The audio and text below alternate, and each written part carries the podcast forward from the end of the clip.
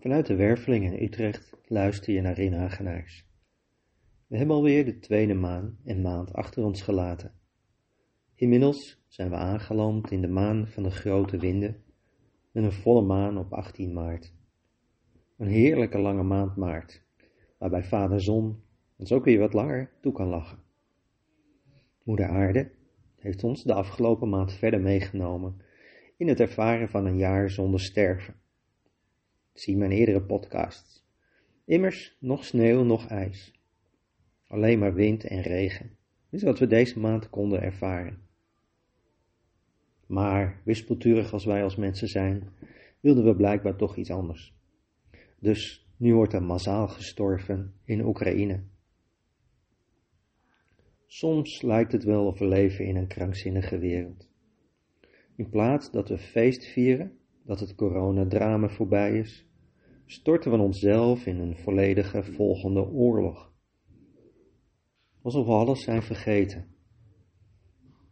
De mens lijkt zich volledig te verliezen in de Oekraïne. En gooi je dan ook nog een toefje Gooise seks bij, en we lijken geen stap verder te komen. Maar dit is niet het moment om wanhopig in een hoekje te gaan zitten. Het is de maan van de grote winden. Tijd voor de voorjaar schoonmaak. Dus laten we eens kijken wat er allemaal echt aan de hand is. Eerst neem ik je mee naar de situatie in de Oekraïne. Heb je het nieuws een beetje gevolgd? De grote boze Rus is het zielige Oekraïne binnengevallen. Laat ik vooropstellen dat ik dit vanuit mijn beperkte bewustzijn vreselijk vind. Kunnen we als mensheid na al die duizenden jaren nog steeds geen betere oplossing vinden dan oorlog?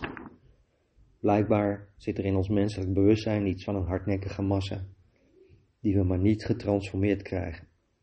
Persoonlijk zou ik kiezen voor een veel bewustere aanpak van de problemen. Nou ja, tot zover even een klein stukje van mijzelf. Nu weer terug naar het grote geheel. Kun je de parallel zien met het begin van de vorige crisis? We zien een massale eenzijdige berichtgeving vanuit het perspectief dat Rusland de grote boosdoener is. Ook hier wordt niet de vraag gesteld welke belangen er met deze oorlog worden gediend. Nee, er is een vijand en vijanden moeten worden bestreden. Wetten en regels worden weer aangepast om snel wapens en middelen te kunnen leveren. En straks gaan we vast zien dat de gewoon Nederlandse adviseurs meededen aan de strijd in Oekraïne.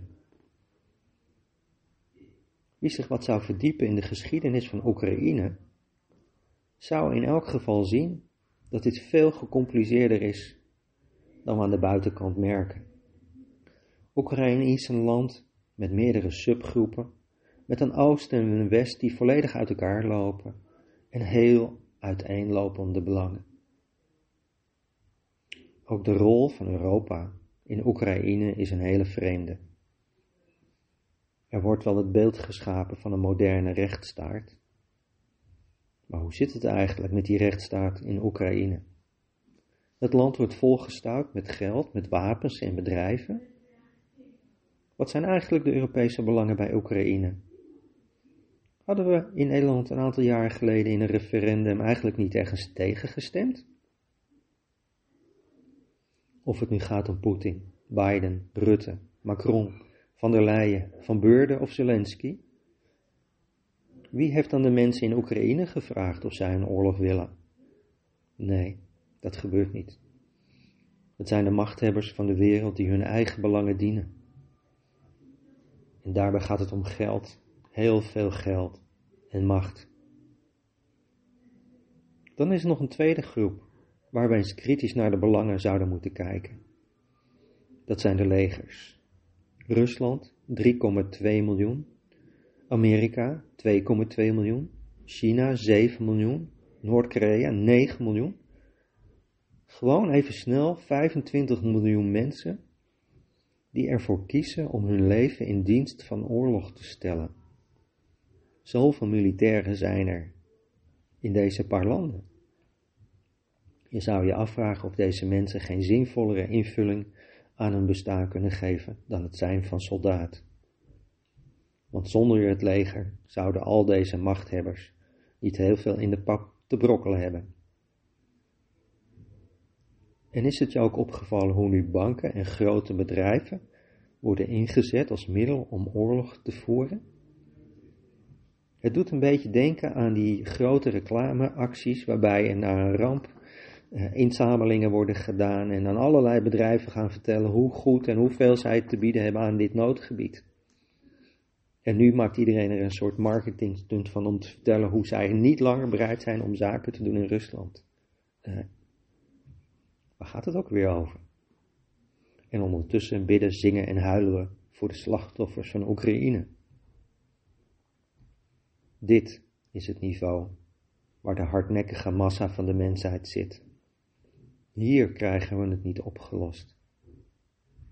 Maar om het probleem te begrijpen, zullen we nog een laag hoger moeten kijken. Dan komen we uit op het niveau van de zielenwereld. Vanaf daar kunnen we veel beter kijken naar de lange termijn ontwikkeling van de mensheid. Daar waar bestemmingen worden gemaakt die mensen meenemen in hun leven op aarde. Wist je dat we in een tijdperk leven waarin de besturing van dat wat er op aarde gebeurt verschuift naar in ons leven in plaats van voor ons leven? Dat is pas innovatie. Want al die machthebbers met hun adviseurs denken wel dat ze de touwtjes in handen hebben, maar in werkelijkheid leven ook zij gewoon hun bestemming op aarde. Onbewust voeren ze uit wat ze ergens diep van binnen hebben meegenomen om te komen doen. Dat maakt je dan misschien nieuwsgierig waar hun bestemmingen over gaan. Nou, het lijkt erop dat we als mensheid eindelijk in een veranderingsfase zitten om wat vredelievender met elkaar om te gaan. Alsof we in deze decennia collectief wakker aan het worden zijn uit een winterslaap. Dan is het nodig dat oude structuren, die hier niet meer passen, uit elkaar kunnen vallen. Dan heb ik het over machtsstructuren van geweld, onderdrukking, misbruik van anderen, onverzadigbare rijkdom. De werkelijke belangen achter deze oorlog lijken ook meer over dit soort vraagstukken te gaan: macht, geld en energie. Lees ook eens mijn uh, energielezing van, voor, van vorige week uh, op onze site blmagazine.nl of luister naar de podcast van de vorige keer. Daar staat ook veel meer in over de achtergrond van deze oorlog. Terwijl de oude machtsstructuren uiteenvallen, is er een transformatie aan de binnenkant nodig. Een verandering van inzichten en concepten, van waaruit we nieuwe dingen kunnen bouwen van waaruit we nieuwe structuren kunnen vormgeven, van waaruit de aspecten die we als mens meer zijn dan onbewust strijdende ego's tot een recht kunnen komen. Dat is waar het over gaat. Transformatie van onszelf. Het schoonmaken van verstokte energieën die ons steeds weer in onbewuste patronen vastzetten. Een energie die past bij deze maan de maan van grote winden. Grote winden die alles schoonblazen en losmaken wat vastzit. Het is ook de maan van de elfen. En natuurlijk heb je wel eens gedacht over gekeken naar een film over de elfen. Valt het je dan niet op dat dat gaat over sierlijkheid, over schone vormen, over lichtheid, over natuur? De mensheid is toe aan nieuwe creatieve ontwikkelingen, waarin mooie kunstwerken in samenwerking met Moeder Aarde tot stand kunnen worden gebracht.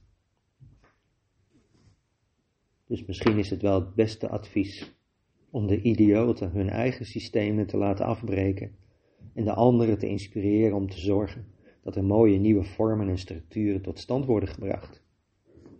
Dan zijn we echt onderweg naar een nieuwe lente.